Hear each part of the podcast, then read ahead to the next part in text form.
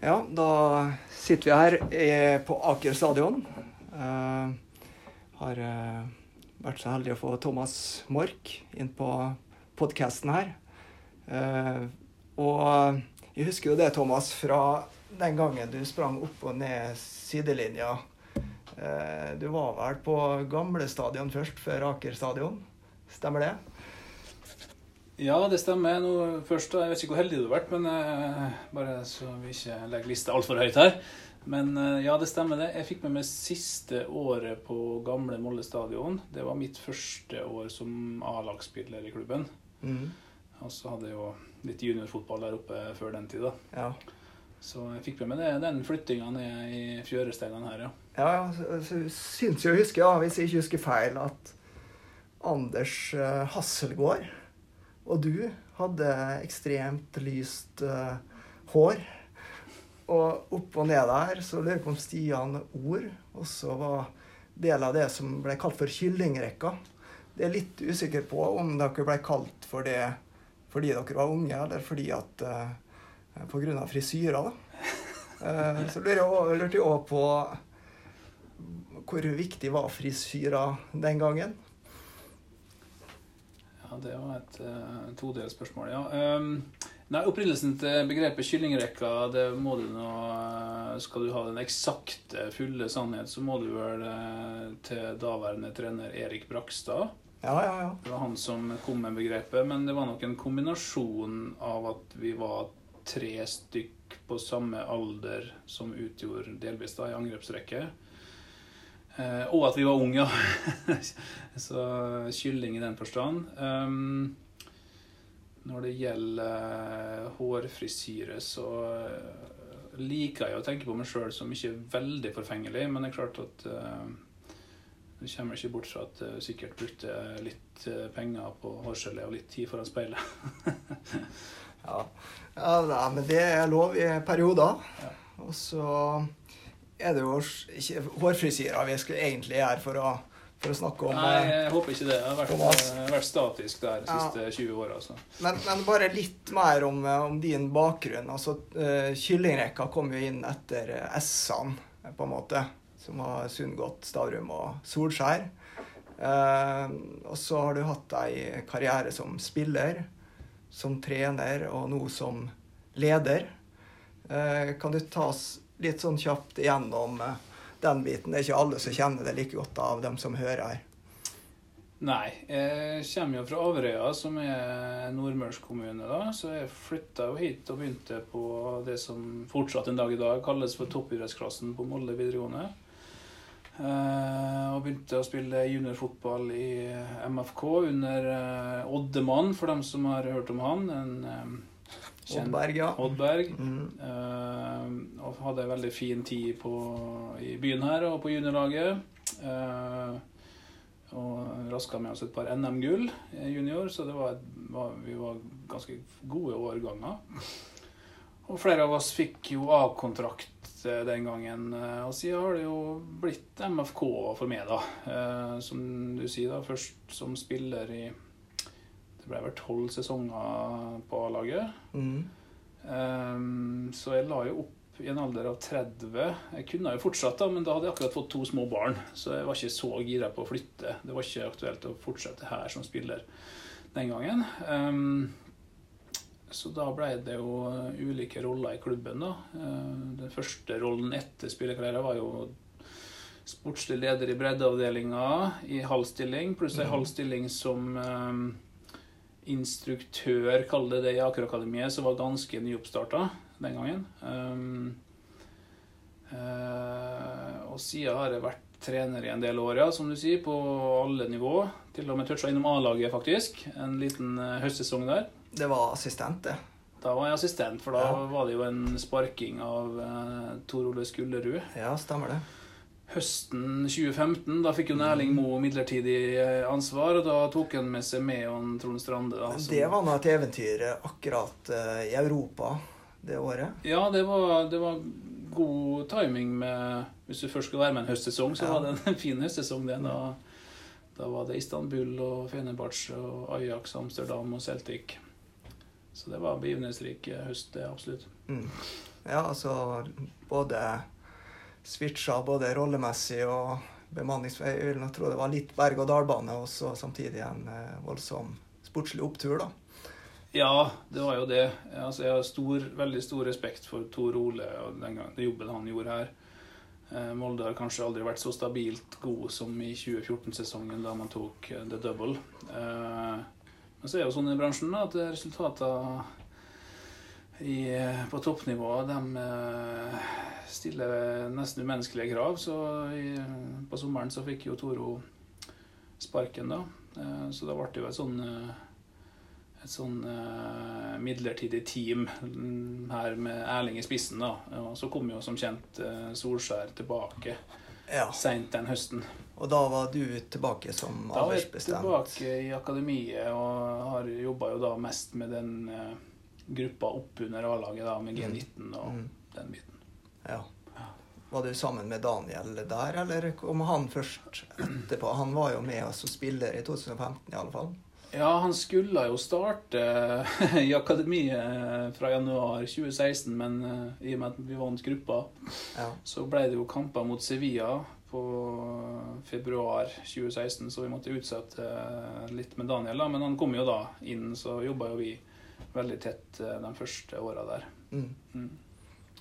Og så var det Solskjær, ja, Solskjær tilbake, du inn som eh, G19 igjen. Og så var det vel eh, akademiledelse litt fram og tilbake etter det. Det stemmer. Det er jo litt tilfeldig at det sitter eller Det er mye tilfeldigheter, men det er tilfeldig at det sitter i den stolen her. Det var jo først eh, Først så var det jo Knut Halvard Eikrem, som var tidligere leder, da, som eh, bestemte seg for å gå tilbake til skolen. Mm. Det var i 2018. Mm. Eh, og da ba jo klubben med om å holde Mens man jakter en erstatter, så ba de med være midlertidig leder. Eh, så man leita jo vidt og bredt og gikk en stor prosess der med å finne en ny akademileder i høsten 2018. Og så landa man jo på engelsk Ian Brunskill Mm. som da kom hit eh, fra januar 2019, og da hadde jo egentlig en delt rolle da han kom inn òg, for han trengte en eh, veldig tett høyre hånd. Med, både med språklige utfordringer og lære han å prøve å oversette norske forhold til en engelskmann. Så en, jeg hadde jo en kombinert rolle der da når han kom med litt sånn høyrehånda hans og trener i tillegg. Men til sjuende og sist så endte du opp som akademileder, akademisjef. Jeg vet ikke hvilken tittel du trives med eller har, eh, men eh, noe i den dur. Ja, vi på huset her kaller Eller dem eh, vi kaller meg kanskje gjerne daglig leder. Daglig leder i Eh, Akar Akademiet. Ja. Ja. Og så har du jo f.eks. norsk toppfotball. De opererer jo med utviklingsansvarlig, og de Mm. opererer gjerne med to eh, roller der, faktisk. Det, de kan ha en utviklingsansvarlig på fag og en administrativ ansvarlig. Eh, Så f.eks. i Akademiet til Rosenborg så er den rollen som jeg sitter med, den er to roller. Mm. Mens her har man valgt å, å ha én person da, som er på en måte både faglig og administrativt ansvarlig. Mm. Det kan også sammenlignes eh, her i klubben med Ole Erik Stavrum sin rolle. Eh, Der kan du se til Rosenborg, som har en eh, i Tove Dyrhaug, som er administrativ leder. Mm. Og Mikke Dorsin, som er sportsdirektør. Eller om det er direktør eller leder, vet jeg ikke. Men, men, mens her har man dem to i samme rolle, kan du si. da. Mm. Og da regner jeg med at klubben har noen forventninger, føringer, eh, for hvordan akademiet skal fungere i Molde, da, eh, fotballklubb. Eh, hva, hva blir på en måte oppdraget ditt som akademisjef og den banden du skal lede? Ja. eh, det er jo ett overordna mål som trumfer eh, det andre, og det er jo at klubben ønsker, og det står jo nedfelt i strategiplanen, at man ønsker jo leveranser inn i vår A-tropp og A-lag på jevnlig basis. Mm. Det er jo på en måte det overordna målsettinga for akademiet. Så har vi jo selvfølgelig eh, underordna målsetninger som går på trenerutvikling osv. osv. Men det, det med å levere spillere inn i vårt A-lag, og aller helst kanskje videre òg, er, er, jo et overordna mål. Mm. Riktig. Og så jobber dere jo på ulike måter for å komme dit, for å nå det målet. Mm. Komme i havn så sånn får levert på det. Ja. Uh, så hvis vi trekker det helt ned Hvis en tenker ei trakt, da Der. Altså bredden av spillere mm. i ditt område, mm. der, du, der, du, henter inn til akademi. Og så smalner den inn til dem som faktisk er tatt inn. Mm. Og så går det videre ned, og så skal det dryppe ned en og annen spiller som kan da brukes inn på et uh, A-lag eller mm. på profesjonelt nivå. da. Kunne du tatt oss med litt inn helt fra start i den prosessen? Hvordan går dere fram? Hvordan ser dere? Hva ser dere etter? Hvordan er blikket deres uh, ut mot den verden når dere skal, skal finne spillere til akademiet? Ja, da tenker jeg det eh, for å billedliggjøre det, så er det kanskje best å begynne med en kjapp beskrivelse av de tiltakene vi faktisk mm. eh, har eh, i akademiet. Og det begynner jo nederst i alder på en måte med, med fotballskoler, som vi har i stort sett alle i skoleferier. Eh, I hvert fall i normal eh, tid. Nå er det jo covid-brems på det meste. Men uh, fotballskoler, som selvfølgelig ikke er noe inntak på, det er påmeldingsbaserte uh, fotballskoler. Uh, men allerede der så begynner vi å se og bli kjent med, med gutter og nå jenter òg fra vår, vårt område. Mm. som en slags del av en kartlegging, uten at vi Det er ikke noe sånn at vi, vi skriver ned rapporter og den type ting, men, men vi en av få fordeler med å bo i et grisgrendt område er at du blir godt kjent og får et godt overblikk eh, over det. Eh, over der så har vi fotballfritidsordning som vi setter veldig høyt eh, i vår spillutviklingsmodell. Og det handler litt om den norske modellen som helhet, som skiller seg fra mange andre europeiske akademihverdager, der man har ja, en aksept for seleksjon lenger ned i alder enn her i Norge, da. Eh, sånn at hvis vi ser på det som en god måte å ha god kvalitetstrening for gutter og jenter i, i vårt område. Den bakdelen vi ser med det sånn som det er nå, det er at det favner litt for få i, i vårt omland. Det begrenser seg nå til Eh, pga. rett og slett skyssordning og den type ting, til tre barneskoler i byen. Og så er det selvfølgelig åpent for en og annen fra eh, andre barneskolekretser, men da er de avhengig av å ordne skyss sjøl. Så det er mer sånn praktiske ting. da. Men vi ser på det som en, som en veldig viktig uh, i, i, vår utviklingsmodell å få drypp av um, trening med god kvalitet uh, lenger ned i alder enn enn det som, der vi kan på en måte plukke dem inn til oss. da. Ja, Så dere bidrar faktisk tidligere enn når dere, tidspunktet dere plukker inn, ved å tilføre fotballkunnskap eh, eller stimuli, impulser, som gjør at de utvikles i yngre år. da. Eh, bedre enn hva de ville gjort med, med pappatreneren eller mammatreneren i snitt, da, for å si det sånn. Ja, vi ser jo på det som en måte å i hvert fall gi et tilbud for dem som er ivrige. Mm. Og igjen, vi som driver akademi, vi, har, vi ser masse fordeler med den norske modellen og pappatrenerne. Eh, ikke misforstå den biten. Eh, men det er jo samtidig en kjensgjerning, tror vi, at tilbudet vil variere veldig fra klubb til klubb og årgang til årgang. Sånn at det at vi har FFO-en og kan på en måte være et eh, Og særlig gjennom vinterhalvåret, kanskje. sant? De mm. månedene fra oktober til mars, der har vi tilgang på, på innendørs trening, eh, der mange klubber og lag kanskje ikke har det. Eh, så bare for å sikre å ha nok aktivitet, ikke bare god nok, men nok, gjennom vinterhalvåret, det ser vi på som særs viktig. Ja.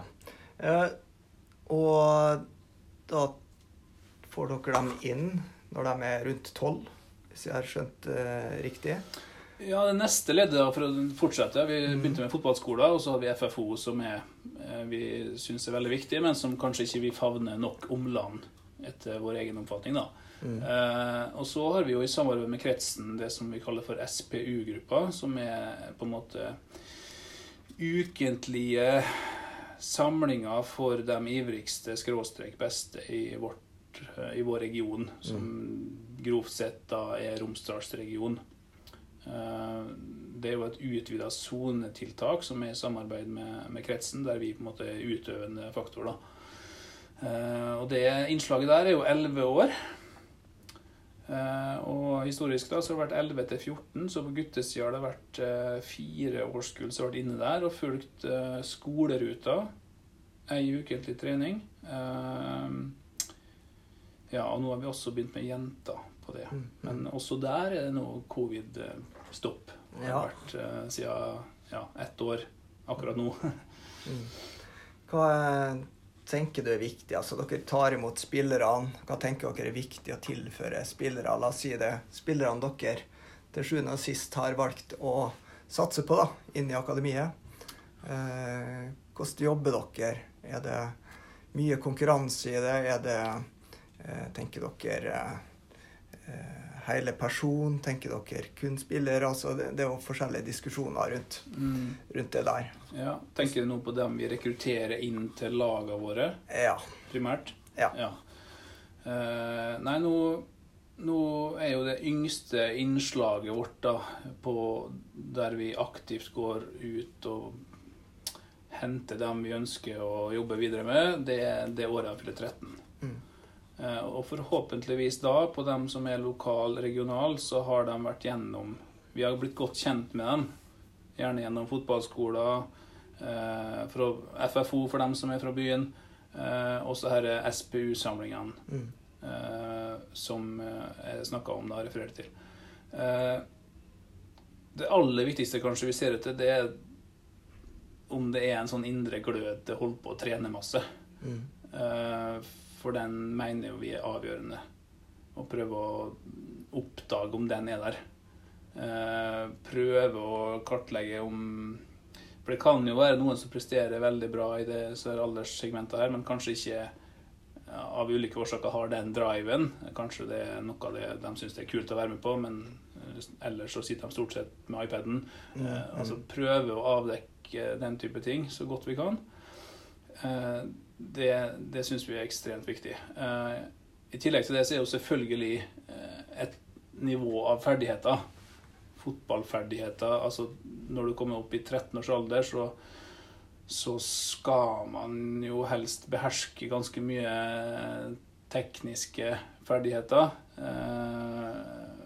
Sånn, så det må være på et visst nivå. Og så er det jo også det der fysiske ressurser, i den grad vi kan avdekke potensialet i det. Mm. -hmm. Eh, når det kommer til personlig utvikling, eh, begrenser det seg noe? Eller hvordan er det dere har dem ikke inne, sånn som en del akademi på, på heltid, der skolen er en del av akademiet? Så de er jo inn og ut av sitt eh, vanlige liv, og så Mm. inn på trening. Eh, hvor, hvor mye rekker dere over? Eller greier dere å gape over? Uh,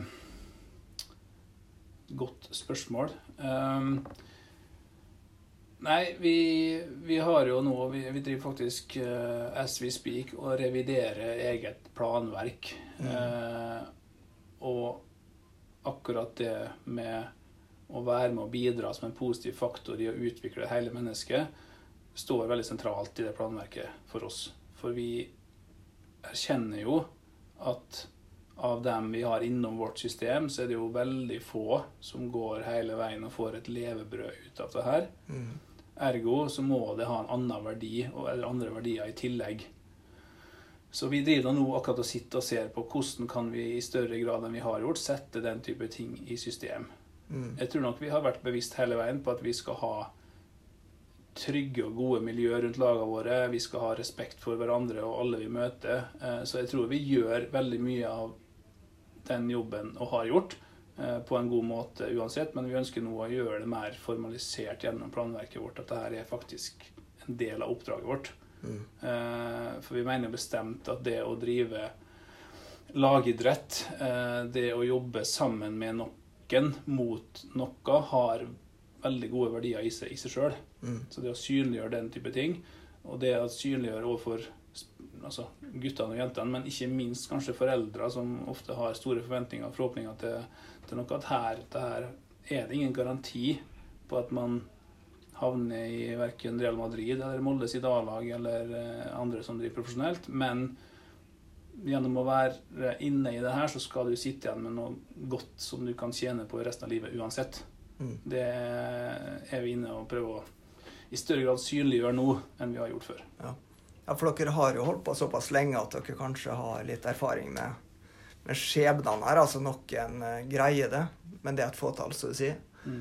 Eh, og så er det sikkert en del skuffelser her, så det går kanskje på å håndtere den, da, eller kanalisere den på, på en eh, levelig, spiselig måte.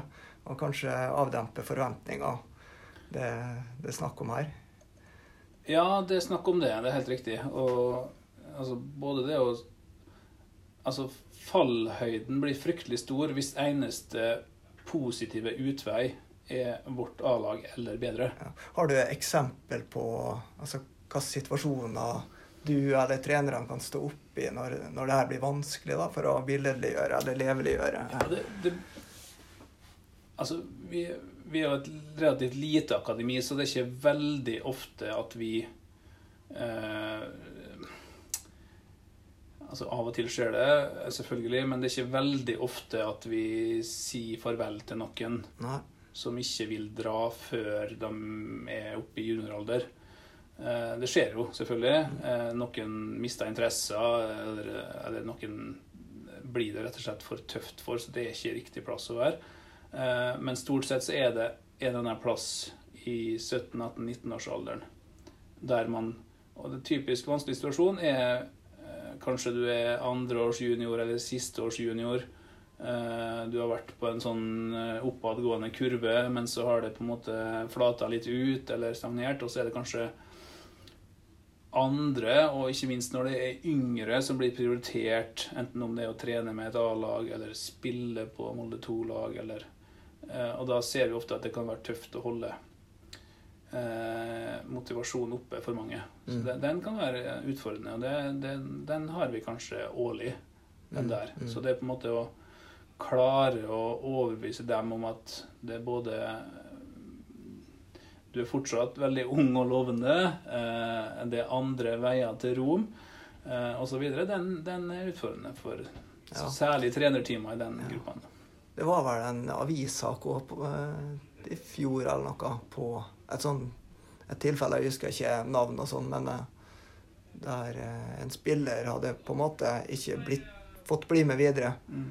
Og så er det ofte litt sånn bitterhet forbundet med det, virker, virker det som. Ja. Men samtidig er realiteten som jeg mener jeg leste ut av ditt intervju i etterkant, at det er ikke plass til alle på toppen. Det er en pyramide. Mm.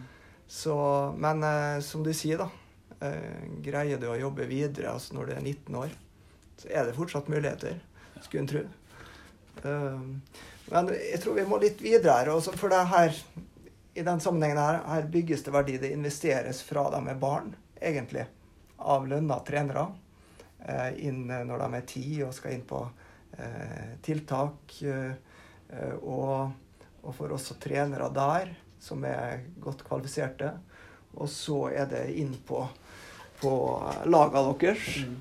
Det jo, investeres jo masse eh, både kompetanse og penger i det her. Og så sier du at det er ikke plass til så mange på, på slutten. Så, så men, men tenker du slik som jeg tenker litt, altså, da er det jo en del verdi som, som fjernes fra den rekka her. Da. Eh, men er det dem som greier det, nok til at klubben er fornøyd? Eh, til å holde Til å kunne forsvare eh, akademiet? Så leverer du på det du, du forventes å levere på i stor nok grad? Mm.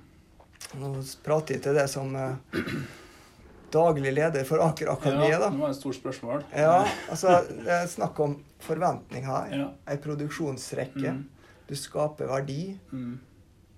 Men, Men hvordan er vektskåla her? Mm. Er verdien du skaper, eh, stor nok da i forhold til kostnaden ved å ha et Mm. akademi? Nå snakker du verdi Nå tenker jeg i kroner og øre, altså. Kroner og øre, ja. Ja. Ja, eh, for det er, nei, det er et sammensatt bilde, og det, Ja. jeg har ikke noe entydig svar på det. Eh, det som jeg kan si, det er jo at eh, med eh, Med eh, øremerking av det som heter utviklingsmidler da, i den store medieavtalen Vi er nå inne i det femte av seks år av eksisterende avtale, så ligger det jo midler, øremerka utviklingsmidler.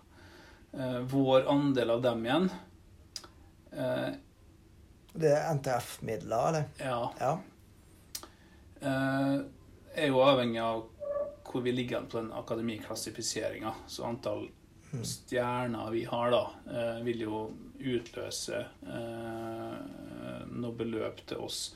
Og det som jeg kan si der, jeg vil ikke gå inn på rene tall, men jeg kan si at det er jo den, den største enkeltinntekta til akademiet. Og som gjør at vi nå, selv om vi har vokst veldig de siste åra med antall eh, personer ansatt ja. For hvor mange har dere nå? Nei, det er et godt spørsmål, det, ja. Vi Ansatte. er nok tosifra. Mm. Eh, fordelt mellom større og mindre stillinger. Ja. Ehm, så tror jeg faktisk klubben bruker mindre rene penger i subsidier til akademiet til utvikling nå enn vi gjorde for ti år siden. Mm. Så sånn sett så er jo på en måte Så har man jo sentralt klart å kanalisere masse midler og erkjent at utviklingsarbeid er Det må eh, Der må kvaliteten opp. Så der har det på en måte blitt rusta opp og gjort klubbene da i stand til å ansette folk eh, i større grad og uavhengig i større grad enn svingningene i A-laget sine resultat. Mm. For tidligere så var det kanskje mer sånn at hvis man satsa på Hvis man måtte kutte penger og kom til et nedrykk og sånn, så røyk utviklingstreneren kanskje først. Eh, Men der har man kanskje nå i hvert fall i ferd med å gjøre oss sjøl mer robust. Og håpet mitt er jo selvfølgelig når vi nærmer oss en ny medieavtale, at eh, både utviklingsmidler som sådan fortsatt blir øremerka, Mm. og at andelen, eh, prosenten av den eh, potten, er minst like stor. For hvis den er like stor, så blir det midlene dobbelt så mye. um, sånn at vi kan bygge For vi er fortsatt skjør. Vi er fortsatt fersk. Vi er, vi er et spedbarn i eh, akademiforståelsen i, hvis du tenker i Europa, europeisk kontekst. Da.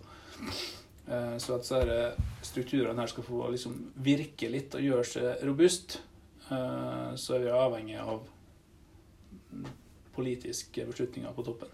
Ja, så dere får noen krykker i starten her for å komme, komme på, ordentlig på beina. Ja, som gjør at vi ikke er så utsatt for svingninger, enten i A-laget sitt resultat eller i eh, nye styreledere i klubben. Nå er ikke vi utsatt for det, vi er kanskje den mest stabile klubben i så måte i Norge, men, men andre klubber. Eh, at man ikke er så utsatt for svingninger. Ja. Mm. Eh, Det gir kanskje Jeg vet ikke hvilket press eller utålmodighet dere er utsatt for i akademi fra egen klubb, men det vil kanskje avdempe det litt når det kommer tilførsel fra gjennom akademiklassifiseringssystemet, da. De poengene dere scorer der. Ja, det gjør det, og, og sjøl så opplever jeg en veldig sånn forståelse og backing innad i egen klubb. Eh, Altså oppoversystemet, da, om det gjelder styre eller om det er eh, daglig altså direktør. Eller om, eh, om det er eiere som du av og til òg kommer borti og prater litt med. Eh, forståelse for mekanismene Mm. eh, opplever jeg som, som, som stor. De, de ser at ting svinger. Man ser jo òg at eh, det å ha jevne leveranser inn til vårt A-lag, når vi snakker om at A-laget er på europalignivå Da skal vi ikke utvikle spillere i Molde og omegn som skal spille i Eliteserien, men da skal du utdanne spillere som skal spille i Europa League, som er hakket over den jevne eliteseriespiller. Eh, så de forstår i stor grad de mekanismene, Ja. opplever jeg. Mm. Jeg, eh, det, var- det var interessant det med hierarkiet som vi var inne på litt før vi begynte. Ja. Er altså for å si at dere er et spedbarn i europeisk målestokk. Mm. Uh, får likevel ting til. Og så leste jeg at uh, i europeiske akademi så er det ofte strukturen setter litt hinder for, for uh, kommunikasjon da, mellom akademi og A-lag. at det ikke alltid er så god kommunikasjon der. Men nå sier du jo at du har vært i trenerteam med, med A-trener her Mm. før du ble akademileder. Eh, hvordan er den, er den eh, kommunikasjonen god? Er det mulighet for å få prøvd spillerne sine? Er det for stor nivåavstand? Hvordan eh, kjenner du på, på den situasjonen? Nei, jeg tror nok vi har Europaligas mest lokale trenerteam i tillegg. da, Så jeg opplever at vi har en veldig god dialog med Mm. dem. Og så har det vært, dessverre, siste året har det vært rett og slett protokollbegrensninger på å få hospitere opp mot A-lag. Men at viljen til å få til det er der. Mm. Og så er det, jo samtidig sånn at fordi at trenerteamet er lokal, så vil de jo ikke eh, Altså, de har, nivået er høyt, Ja. og nåløyet er trangt. Mm. Så, så det blir ikke nødvendigvis så mye lettere å komme inn, men jeg føler at dialogen og, og åpenheten for det er der i stor grad. Vi snakker sammen ukentlig. Mm. Ja. Selv om vi nå fysisk sett faktisk på stadion sitter litt lenger unna enn, Mm. enn vi gjorde tidligere. Jeg har jo noen lokale helter på laget, da. Eirik Hestad har kanskje vært i det her eh, akademiløpet til dels, eller var det han før? Nei da, han, eh, han eh, kom jo inn eh, som 13-åring Mm. fra naboen vår Ekko Aurosen. Eh, og har vært der siden. Han har gått eh, er vel en av de siste som har gått hele veien og etablert seg fullt. Vi kan si kanskje at en Sander Svendsen gjorde det samme, men så ville han på nye eventyr. Men han fikk jo bortimot 100 kamper før han dro. Mm. Uh, så det er vel det Eirik er vel den som uh, er kanskje posterboyen vår uh, på Ja. A-laget nå, ja. Men er det noe felles kjennetegn, eller hva kjennetegner Eirik Hestad? Hva, ut, hva utmerka han seg på i den tida han var i akademiet? Eh, Nei, det var den der leiken med ballen og gleden av å trene. Man snakker om at man må man snakker om at man må ofre mye for å bli god. Eh, og Eirik Hestad tror jeg var oppe i Akerhallen eh, lørdag morgen og søndag morgen eh, Mm, mm. i hele oppveksten. Men hvis du spør han i dag, så tror jeg ikke han sier at han ofra noe. Det var der han ville være. Ja, jeg skjønner. Og det er litt sånn Det må komme litt derifra. Det må ikke være et, et ork. Eh, men litt sånn Altså, Eirik og Sander, hvis du tar med han sammen altså det som er deres forse, er jo ferdigheter med ball. Og det er jo litt sånn litt, ja, Hvis du tenker Nå har vi jo Martin Ødegaard, og vi har andre, men, men det er jo litt sånn Hvis du tenker, drar historien lenger tilbake, så er det litt sånn unorsk å hevde seg med ballferdigheter primært, da. Ja. Mm. Uh, Det var, jeg beit meg merke jeg var i et sånn trenerforum her, der uh, Eirik Hestad var nevnt. Og, og det ble nevnt av tidligere trenere at han spurte og gro mye. mm, En plage, pest og en plage, Mm. når det kom til å forstå hva, hva mener vi med det her, egentlig. mm. Uh, og så var jo faren der òg. Som sa at du kan være glad du bare hadde den i ett år. Så eller noen år. Ja, ja, ja. Så, så er, det- er det noe, altså det å være nysgjerrig på hvordan ting henger sammen.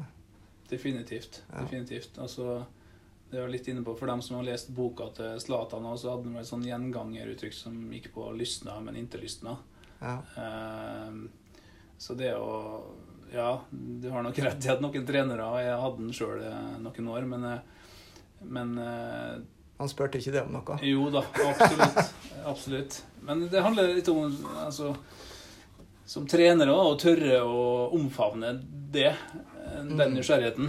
Eh, Ja, ja, ja. For det, eh, det å Jeg tror det er en styrke da, som trener å tørre å være åpen på at man ikke har fasiten på alt. Mm. For det har man rett og slett ikke. Hvis man står og sier det, så lyver man. Eh, For det kan være veldig, veldig fruktbart. Absolutt. Mm. Så Da ja. tror jeg, Thomas, at vi må avslutte for i dag. Ja, okay. Eh, med noen fine Zlatan og Eirik-historier her. Så, så for da takk for den eh, uh, Kall det intervjuet, da. Eller samtalen, blir det riktig å si. Ja, jeg tror vi må ha part to og tre hvis vi skal komme inn det temaet her. vi kunne holdt på, holdt på lenge med det her. Ja. Så, men eh, vi må stoppe nå. Og så får du ha lykke til eh, i fortsettelsen. Tusen takk for det.